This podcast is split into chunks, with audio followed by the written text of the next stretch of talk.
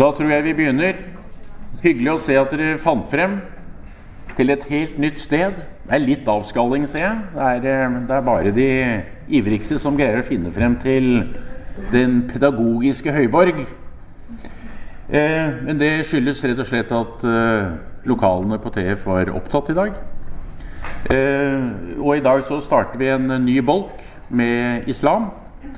Eh, relatert til, til tema temaet som helhet.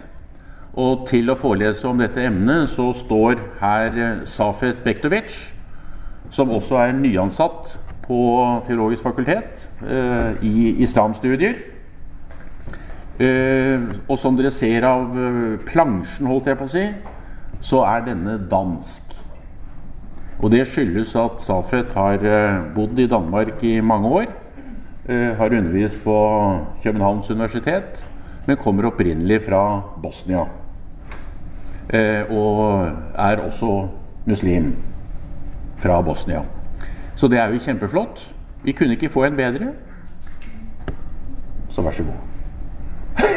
Jo tak. Uh, hvis jeg kunne norsk, så ville det være litt bedre. Klart. Det kommer i løpet av et år. Ja.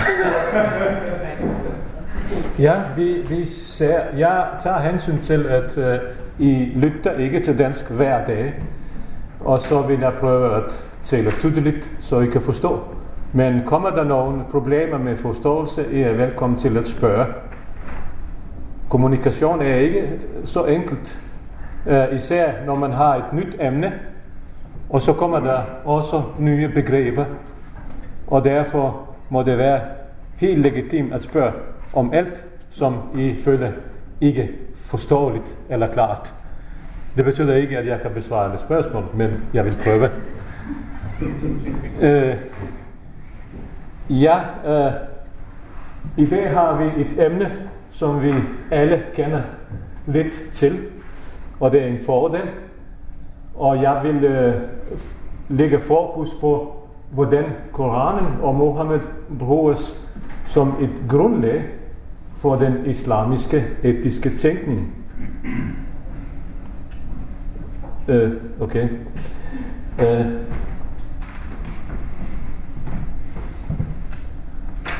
og da vil jeg gå igennem de punkter, præsentere lidt pensum og vores forelesningsplan, og så gå over til selve emnet.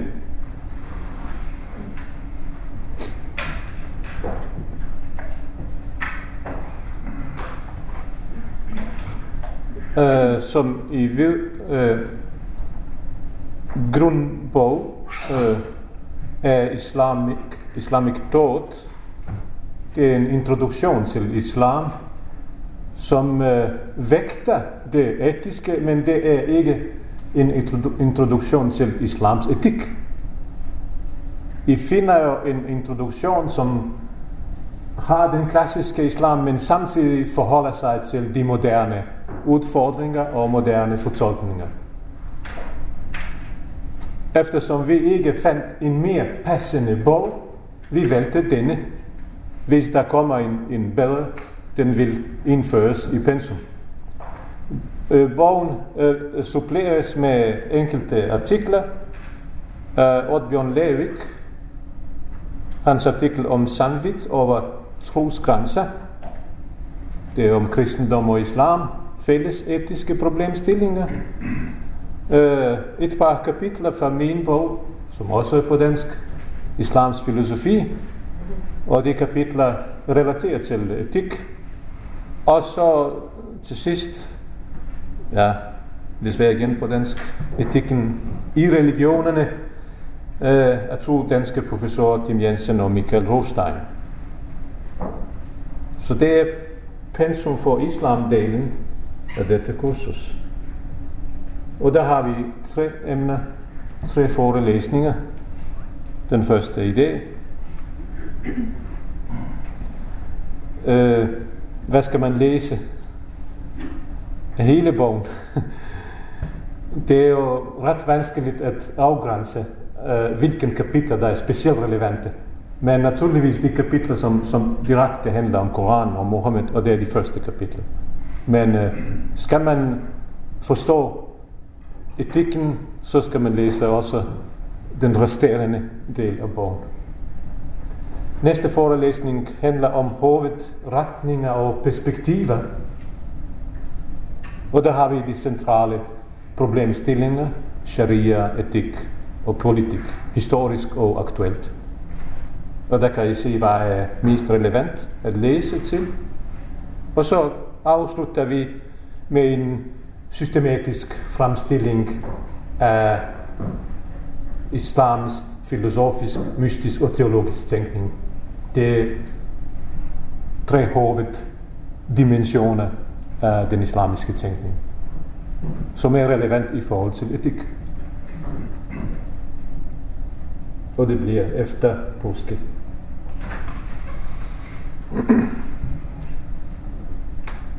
Vi starter med det helt elementære. Ja. Kan jeg stille spørgsmål? Ja. Bliver det her lagt ud på øh, foto? Selvfølgelig. Den, Podcast? Den, ja. den er blevet lagt i går. Ja, og det vil jeg fortsætte med den dagen før forelæsningen. Så det skal vi vide. Så det gjøres opptak her.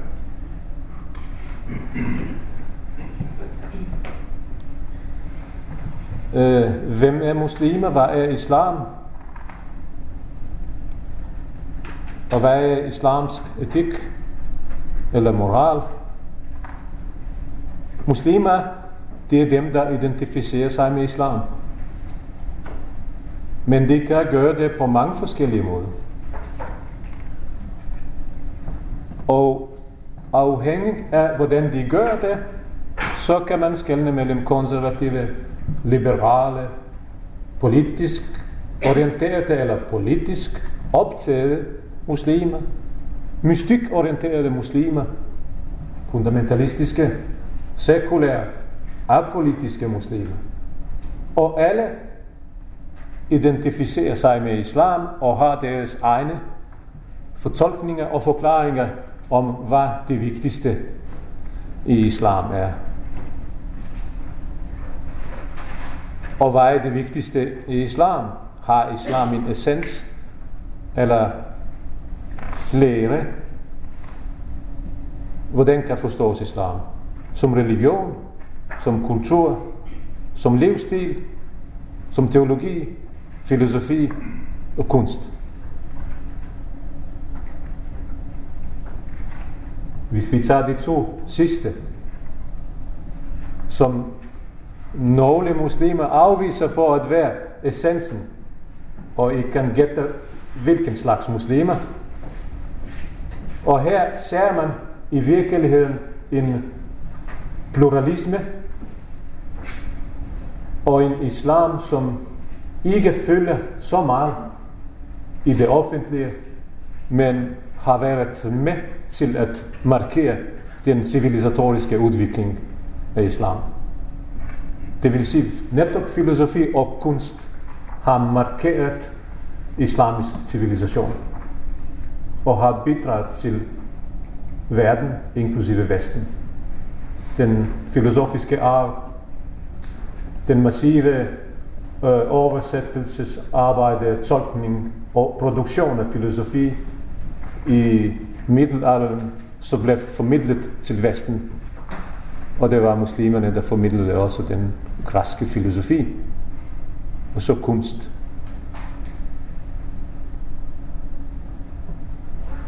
I kunst, der er vidt forskellige tolkninger. Enkelte muslimer, for eksempel, argumenterer med hellig skrift, at billedkunst er forbudt. Vi har haft masser af diskussioner i Skandinavien om profeten tegninger, hvorvidt det er tilladt at tegne profeten, eller overhovedet beskæftiger sig med billedkunst.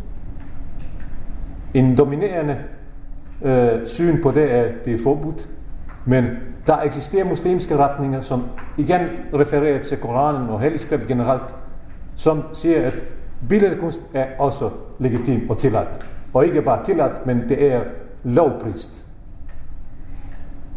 Det er bare et eksempel på at vise, at der er ikke kun forskellige, men også modstridende fortolkninger om visse punkter. Hvad er Koranen? Islams fundament, hellig skrift, fortolket på forskelligt vis, rationel, hermeneutisk, allegorisk, men også som inspiration eller til læsning.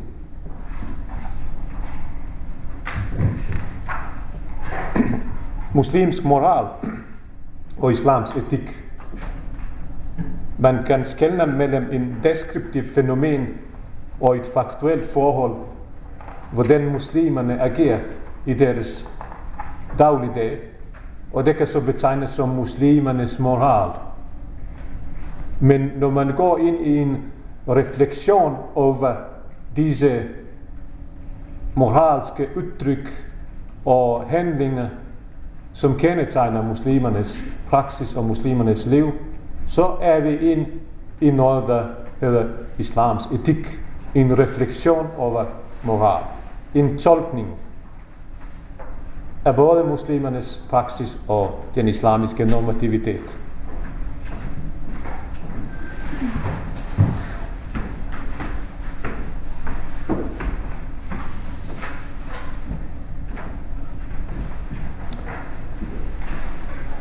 Koranen det arabiske begreb kara betyder at læse, recitere. Og Koranen betegnes som Guds tale. Men når man slår op i Koranen, så kan man meget hurtigt allerede i den første kapitel se, at det ikke er Gud, der taler, men mennesker, som henvender sig til Gud. Så rent faktisk er der flere stemmer i Koranen. Det er ikke kun Gud tale, men også en øh, kommunikation, hvor Gud taler, hvor me- mennesker henvender sig til Gud ved at tale til Muhammed. Så der er flere stemmer, og den første indtryk, man får, er, at der er en kommunikation mellem Gud og mennesker.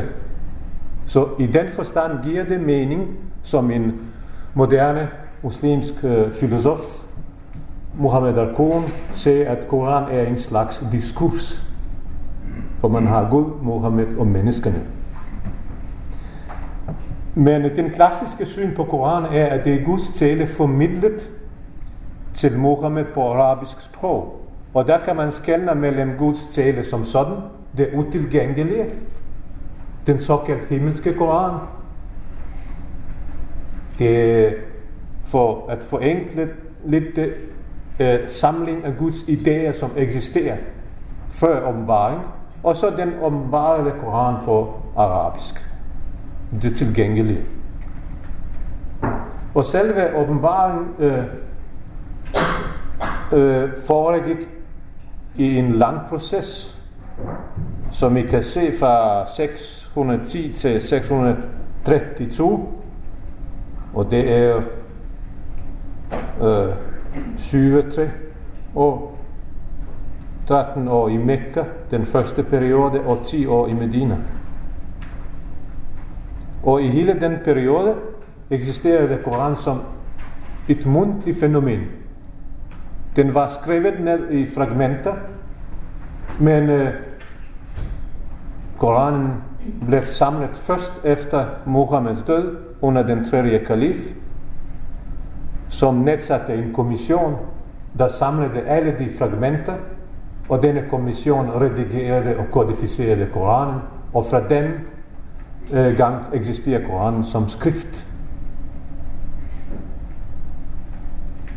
Og denne samling har en bestemt struktur, hvor der er 114 kapitler, eller sura, og så 6.300 og jeg kan ikke huske præcis, hvor mange verser, sætninger.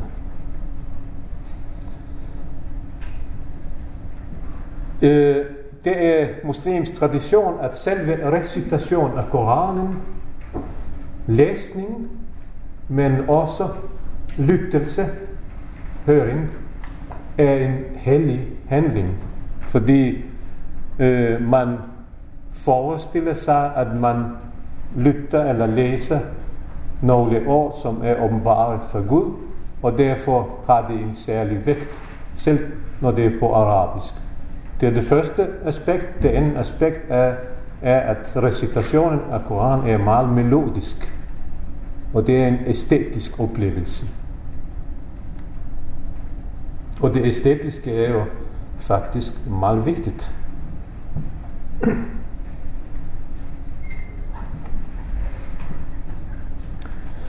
Øh, den islam, man får præsenteret i visse islamistiske bevægelser og muslimske grupperinger, man også har erfaring i Vesten, afspejler ikke en fortolkning af Koranen. Men islams historie er rig på fortolkninger. Der er forskellige tolkningstraditioner. Den første tradition ved at tolke Koran betegnes som den traditionelle. Og den tager udgangspunkt i Mohammeds tolkning. Mens Mohammed var i live, så spurgte muslimerne ham direkte, hvad betyder det og, og de spørgsmål, som var relevante. Og så var det ham alene, der tolkede. I den efterfølgende periode var muslimerne meget, meget forsigtige med at tolke Koranen af respekt for at ikke øh, gøre noget forkert. Fordi det var en respekt af Koranen i Guds ord. Og også en situation, hvor man ikke har en autoritet, som er profet. De havde kalifer, men kalifer havde kun en politisk rolle. Og så var det de lærte, muslimske lærte, som begyndte at skitsere en, en fortolkning på basis af Muhammeds tolkninger. Og det er den første tradition. Senere udviklede man en sproglig, lingvistisk tolkning, som er den, den mest markante øh, videnskabelige tolkning igennem traditionen. Der går man ind og analyserer forskellige begreber, etymologisk, kontekstuelt. Som regel er der altid flere betydninger af hver enkelt øh, begreb, eller i hvert fald sætning. Man har også udviklet en rationel fortolkning, hvor man bruger menneskets ratio og fornuft som udgangspunkt. Dette begrundes også med selve Koranen og skabelsesberetningen, øh, øh, ifølge hvilket Gud har skabt mennesket med akkel. Akkel betyder ratio, fornuft. Og formålet med det er, at mennesket skal ved at bruge denne akkel forstå Guds tegn i verden og forstå sin egen position. Og derfor er hovedargument her, at man skal tage udgangspunkt i fornuft for at forstå verden og at forstå Koranen. Og det er den rationelle. Der var skeptikere i forhold til øh, rationaliteten, hvorvidt man rationelt kan nå sandheden. Og de skeptikere er kendte som mystika, sofia. De mente, at ratio har en begrænset evne. I sidste ende kan man kun forstå Gud, hvis man opnår en mystisk øh, forening med ham. Og det er den mystiske tolkning.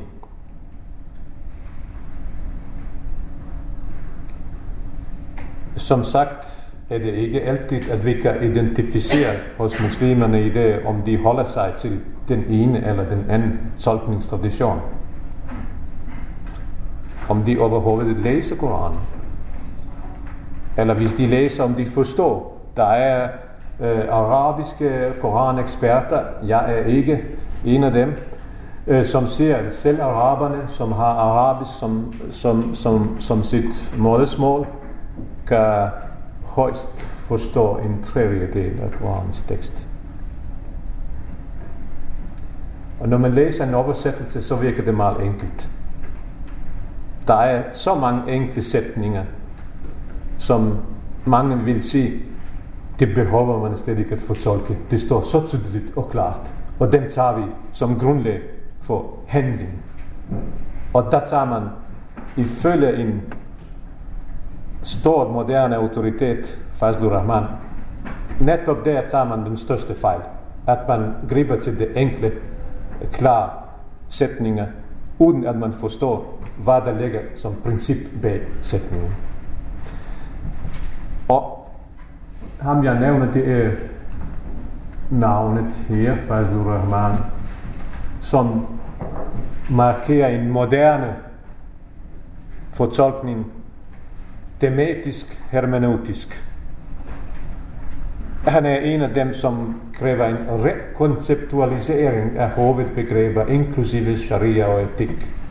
Og den må tage udgangspunkt i en ny læsning, hermeneutik af Koranen.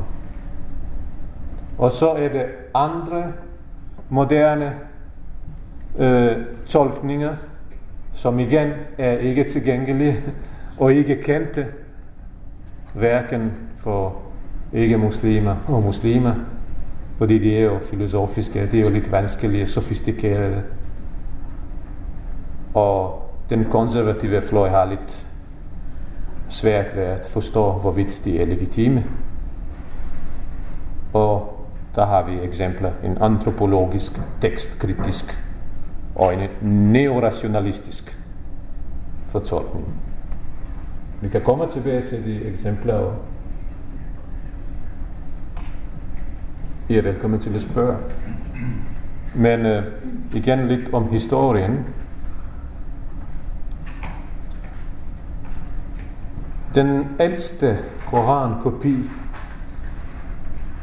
fra Utmans tid, det vil sige fra tid af den tredje kalif, som kodificerede Koranen,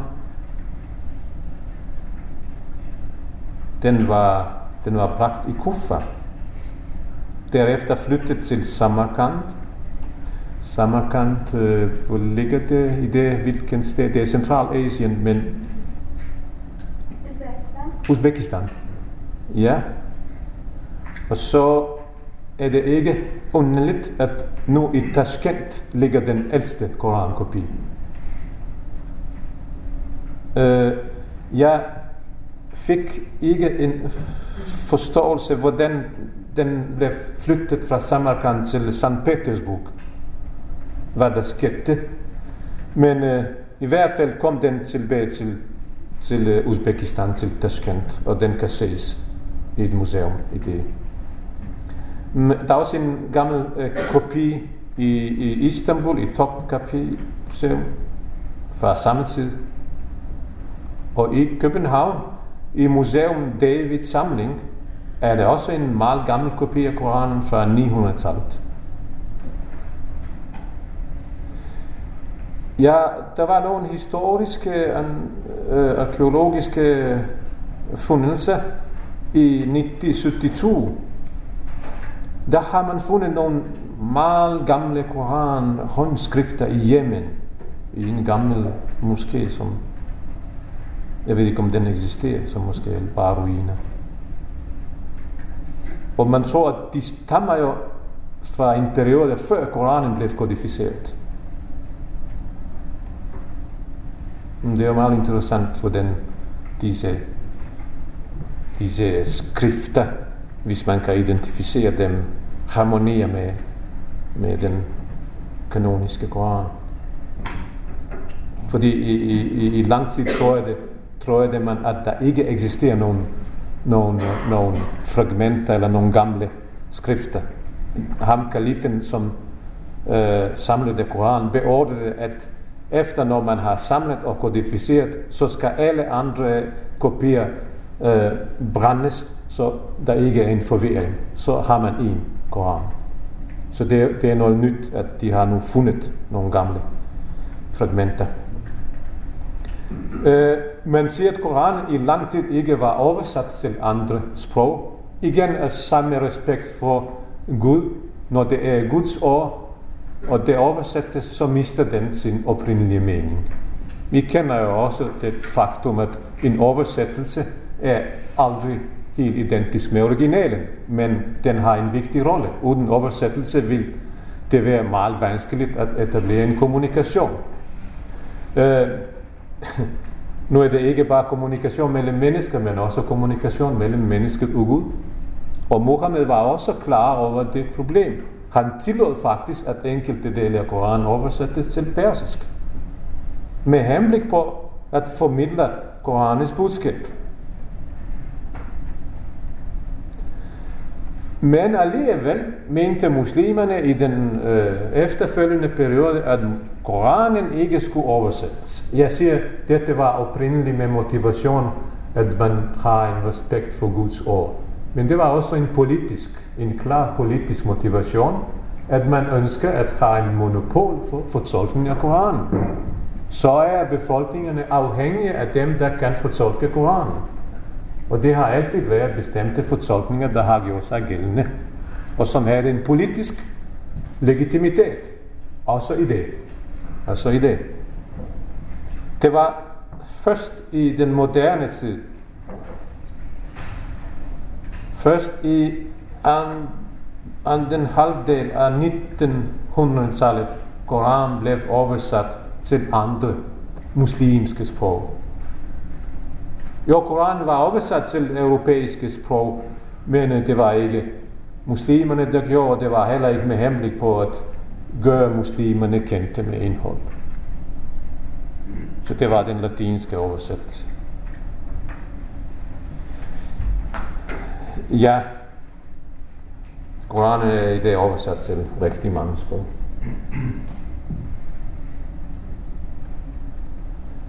Jeg nævnte det med muslimernes moral og islams etik.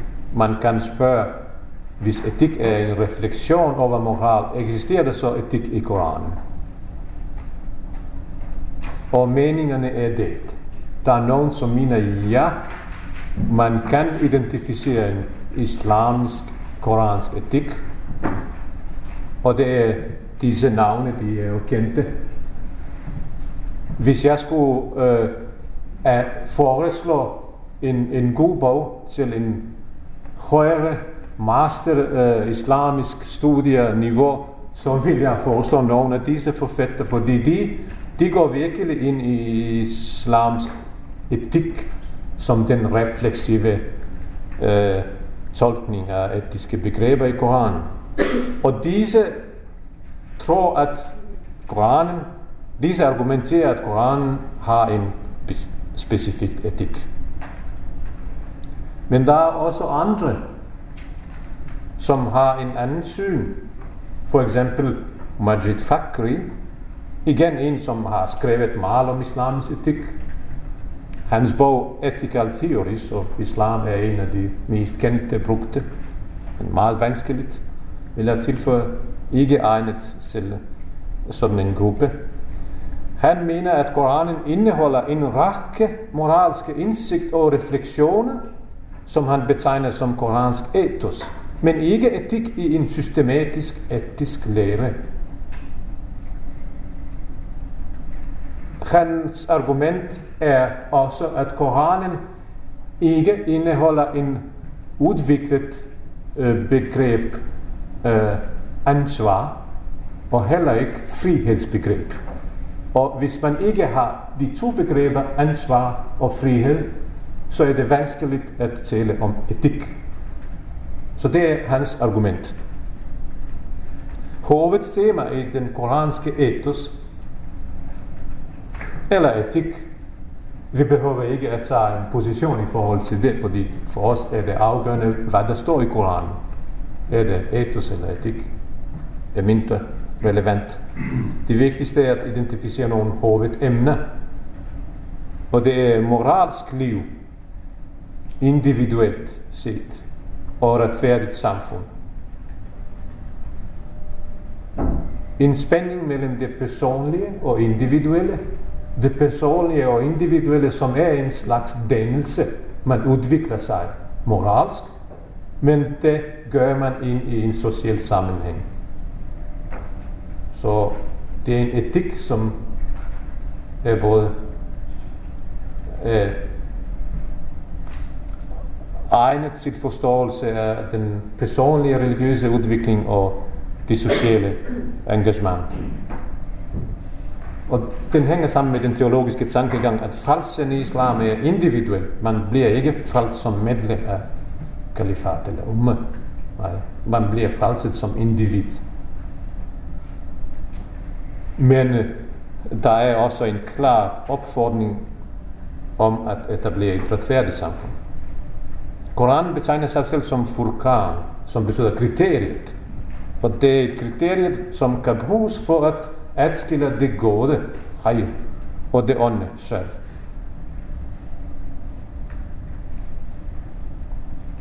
Og så et centralt emne angår forholdet mellem tro og handling.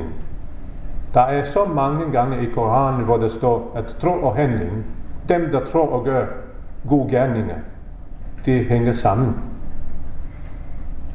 Men dette har medført en stor diskussion om, hvordan præcis er relationen mellem tro, som er det indre, og handling, som er det ydre. Man kan ikke måle det indre, man kan kun måle det ydre. Og hvis det ydre er kriterium for det indre, så kan det opstå et problem. Øh, så kan der tales om muslimsk udseende. Ser jeg ud muslimsk? For eksempel, nogen vil sige, nej, du har ikke skæg, du er klædt vestlig, og det er ikke muslimsk, islamisk. Andre vil sige, det er jo ikke relevant. Og så kan man videre spørge, bærer du fem gange? Hvis man siger nej, tre gange eller fire, så er du ikke rigtig muslim. Og den slags spørgsmål, du kan altid uh, identificere det, der kommer som et udtryk eller expression of tro, men aldrig ens tro. Koranen siger, at disse to hænger sammen, men det er kun den enkelte, der ved, hvordan det hænger sammen.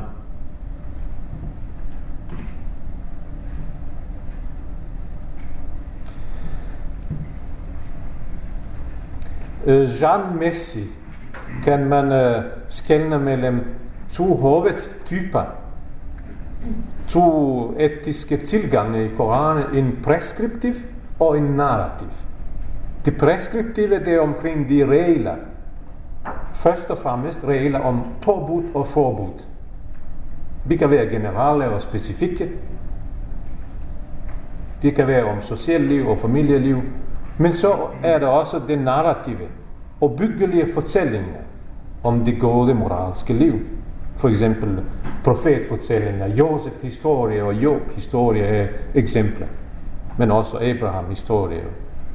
Koranen har historie om syv og fem profeter.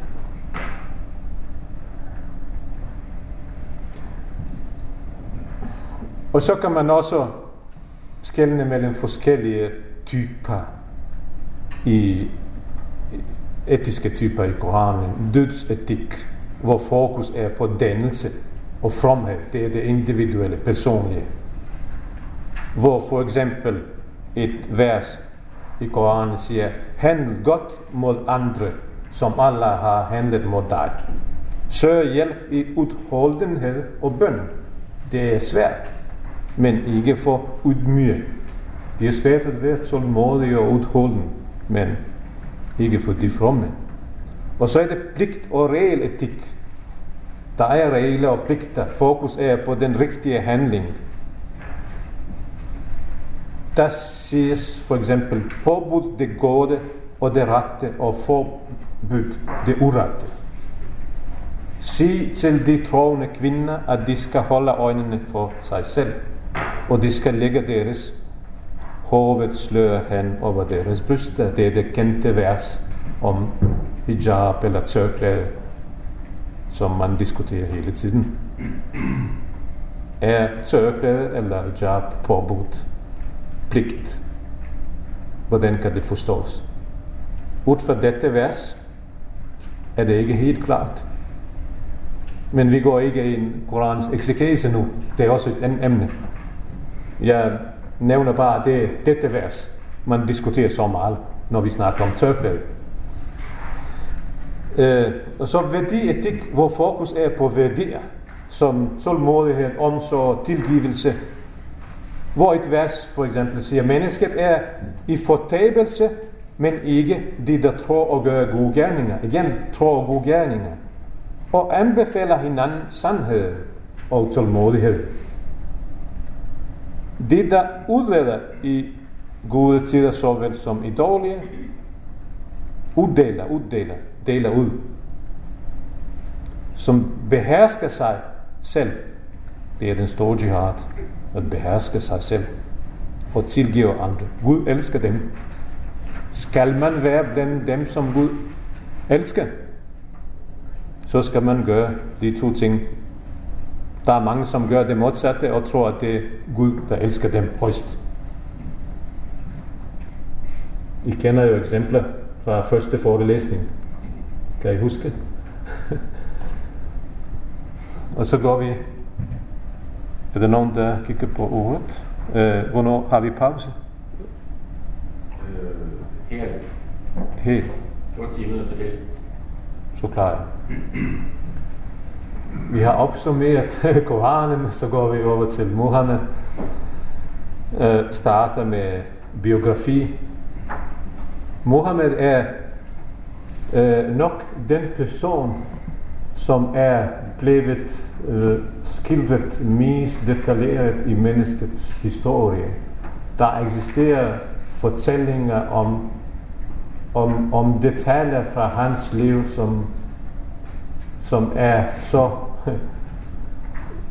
øh, ud, hvordan siger man, så detaljeret, at det er ikke til at tænke sig. Altså, folk er blevet optaget af, af små detaljer, hvordan han drak, hvordan han lå sig og så, hvad han drømte, og hvad han sagde til sine hustruer hver dag. Og så på et tidspunkt har der været et så massiv produktion af fortællinger om Mohammed, og selv øh, den del, som skulle være en direkte reference, hvad han har sagt, og ikke hvordan han levede. Den var så omfattende, at en muslimsk historiker sagde, han skulle have levet i 200 år for at kunne sige alle de der år.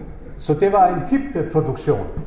Og i denne hyperproduktion, så kan man finde alt muligt, inklusive ting, som han aldrig har sagt inklusive ting, som han aldrig skulle have sagt. Og derfor var det nødvendigt at foretage en, en, en, en renselse, en, en kritisk, en kritisk uh, redaktion af, af udtalelser. Og det, det fandt sted i, i en periode på 100-200 år efter hans død. Men øh, Ja, han, øh, han blev forældreløs allerede som seksåring. Han blev passet af sin onkel. Han giftede sig, da han var 7-5, med en ældre enke, Khadija, som var 15 år ældre end ham det var i sig selv lidt usædvanligt, fordi man giftede sig med yngre piger. Så mange, som man ønskede sig. Og han giftede sig med en ældre enke. Og både i en monogam ægteskab, inden hans hustru døde. Som 40-årig, og det er det år 610, der fik han sin første ombaring, mens han sad oppe på en bakke uden for Mekka Hira, hvor han plejede en gang imellem at trække sig tilbage og meditere. Hans hustru Khadija døde i 619. Mohammed var 50, øh, 58 år gammel. Og først derfra begyndte han at gifte sig og leve i et monogam ægteskab. Og så kan man spørge, er det ikke interessant? En gammel mand pludselig gifter sig med, med små piger. Ja, ganske interessant, men så handler det om at forstå disse ægteskaber, som havde en meget vigtig politisk funktion. Han giftede sig med, øh, øh, undskyld, jeg bruger danske begreb pige, jente, er det? Ja, det kan være forvirrende. Øh, små jenter og jenter, fordi, fordi vigtige familier, fordi ægteskabelige relationer og familierne relationer var det vigtigste i det arabiske samfund. Hvis man har en familiemæssig relation, så har man et fællesskab. Og så er man ikke i krig med hinanden, så har man en alliance. Og i det øjeblik, da han gifter sig med døtre af nogle vigtige personer, så konverterer disse personer til islam. Og det er de første kalifer faktisk, som har givet eh, sine døtre at blive uh, Muhammeds hustru, inklusive den første kalif, Abu Bakr, som hans døtre Aisha var profetens yndlingshustru. Ja, det var en lidt ekskurs for at forklare, hvorfor han pludselig gifter sig med så mange. Øh, ja.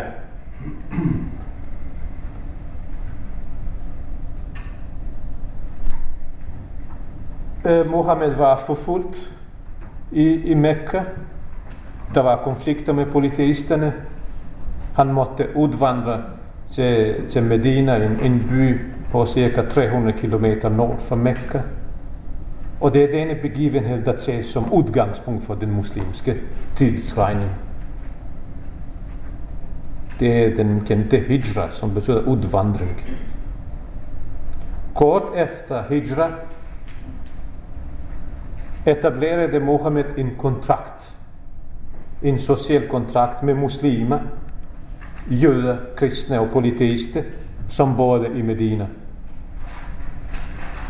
på dette fælles samfund øh, eh, umma. Og i dette umma var muslimerne mindretal. Men øh, i kontraktet står der, at Mohammed får lov til at lede umma samfund. Senere har man udviklet en idé om den islamiske, muslimske umma, som er rent islamisk og muslimsk. Men oprindeligt er umma et fælles tværreligiøst samfund. Og dette kontrakt, som er enkelt på en enkelt side, eller to, hvis man har stor bogstav, den betragtes af nogle moderne islamister som statens forfatning. Som om, at det lille samfund i Medina er stat, som har en forfatning. Det var en enkelt kontrakt. Og Medina var ikke en stat. Stat er en moderne konstruktion, som vi alle sammen ved, som kom meget senere. I 632 døde Mohammed, og så er ombarningsprocessen lykket, øh, øh, øh, færdiggjort. I samme år kommer Mohammed tilbage til Mekka og proklamerer islams sejr. Han er tilbage til det sted, hvor det hele startede.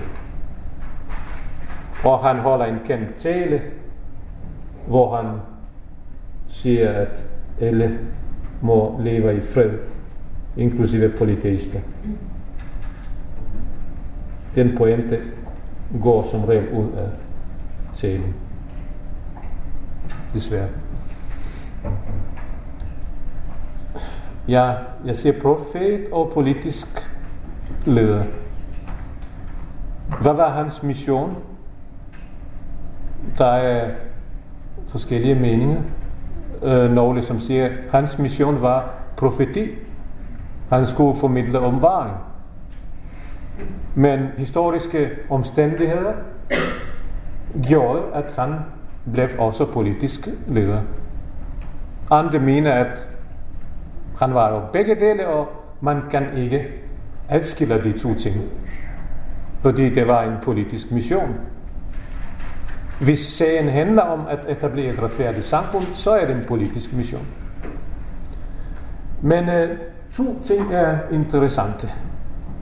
Uh, ifølge den historiske, i hvert fald muslimsk historiske uh, syn, så var Mohammed meget passiv i, i, i, i selve formidlingen. Han virkede som en næsten mekanisk, fysisk kanal, hvor igennem Gud talte til mennesket. Han betegnes et sted i Koranen som ummiyun, en uh, ukyndig analfabet, nærmest forstået. Og der er mange muslimer, som pointerer, at Mohammed var ikke en lært person. Han kan ikke være selv forfatter til denne Koran, fordi han var en analfabet. Men øh, øh, øh, der er andre, som siger, jo, på det formelle plan var han øh, passiv, fordi han ønskede at øh, markere en øh, linje mellem det, som han opfatter som ombaring, og det, som han selv siger. Men øh, han var også aktiv i implementering af budskabet. Han var dedikeret en praktisk implementering af Koranens lære. Så teologisk set kan man sige, at han var jo passiv, men politisk aktiv. Og når vi læser historien, så har vi en meget aktiv Muhammed, som er aktivist.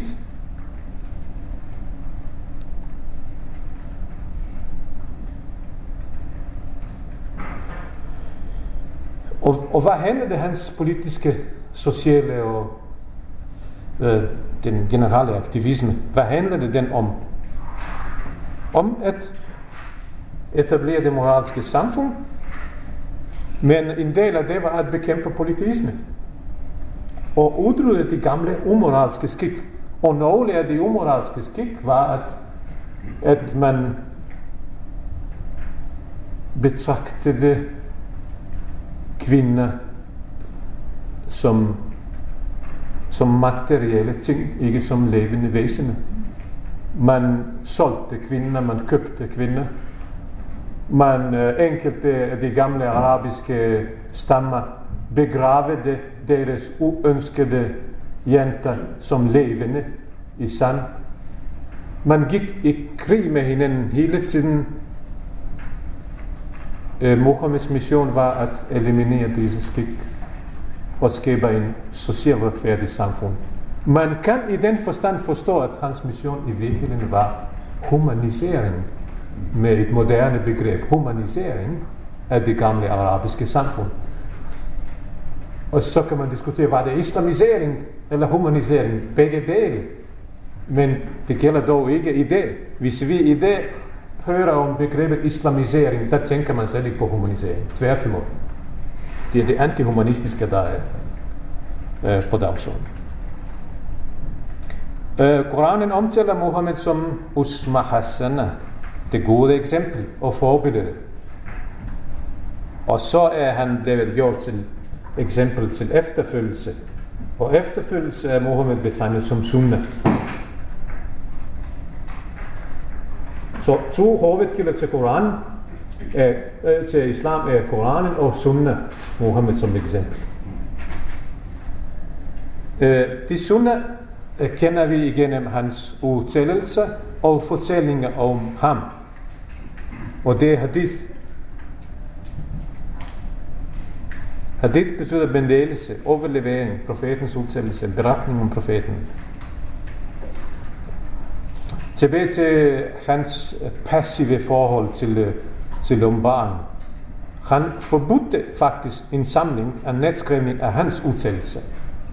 Han ønskede, at de ombaringer blev skrevet ned på de tilgængelige materiale. Det var papyrus, det var knoglerne, det var, øh, det var øh, skin og andre, hvor man kan skrive på. Men han forbudte strengt, at folk noterer hans egne fortolkninger.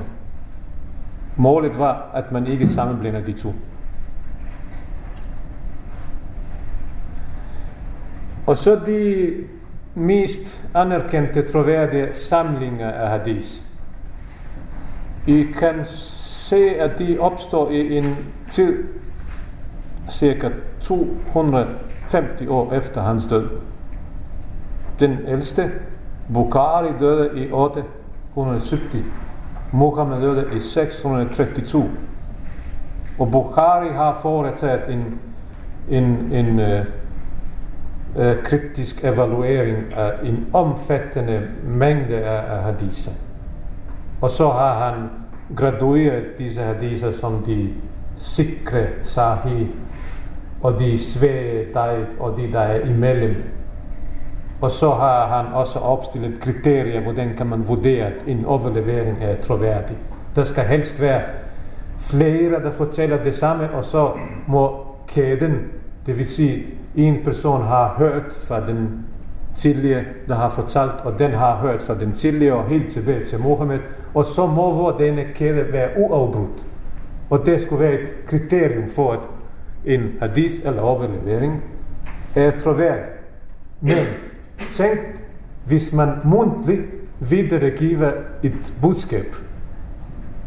Hvis nogen skulle videregive min forelæsning i 100 år, øh, hvad vil så være af den efter 100 år? Kun mundtligt. Hvordan man har forstået det. Ja. Jeg går videre. Skal vi tage en pause? Men det er sidste slide. Okay. Vi kan gøre det, og så tage alle de spørgsmål okay. tilbage. Er det okay, eller? Ja, hvis det er sidste. Fordi det er det sidste.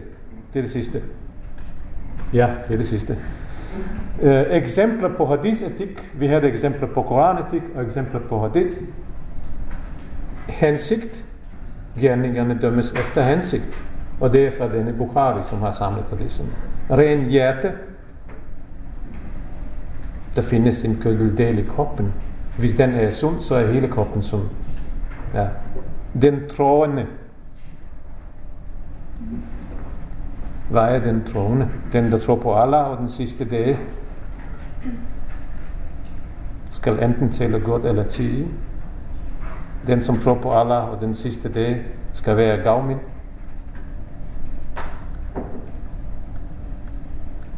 Ja, mod sin nabo og den slags. Den guldne regel, som man kender også andre religioner og øh, livs opfattelse. Ingen af jer kan være rettroende, indtil han ønsker det samme for sin bror, som han ønsker for sig selv. Kampen jihad mod det onde, og den fortjener sikkert en, en øh, analyse. Hvem en af jer, som ser en ond handling, lad ham ændre det med sin hånd, fysisk, og hvis ikke han er i stand til at gøre det, så lad ham ændre det med sin tunge, verbal. Og hvis han ikke er i stand til at gøre det, så med sit hjerte, så skal man fordømme ind i sig selv en dårlig handling. Og det er den svageste tro. Så kombination mellem dødsetik og pligtetik. Vores spørgsmål er, jeg slutter med spørgsmålet, med et spørgsmål. Skal man gøre det gode, fordi det er godt i sig selv, eller fordi det er foreskrevet af Gud og praktiseret af Muhammed? Og dette var faktisk udgangspunkt for hele den etiske diskussion i islam. Ja, og så slutter jeg. Er pause? Er, er pausen var... Er, Til fem på halv. ja.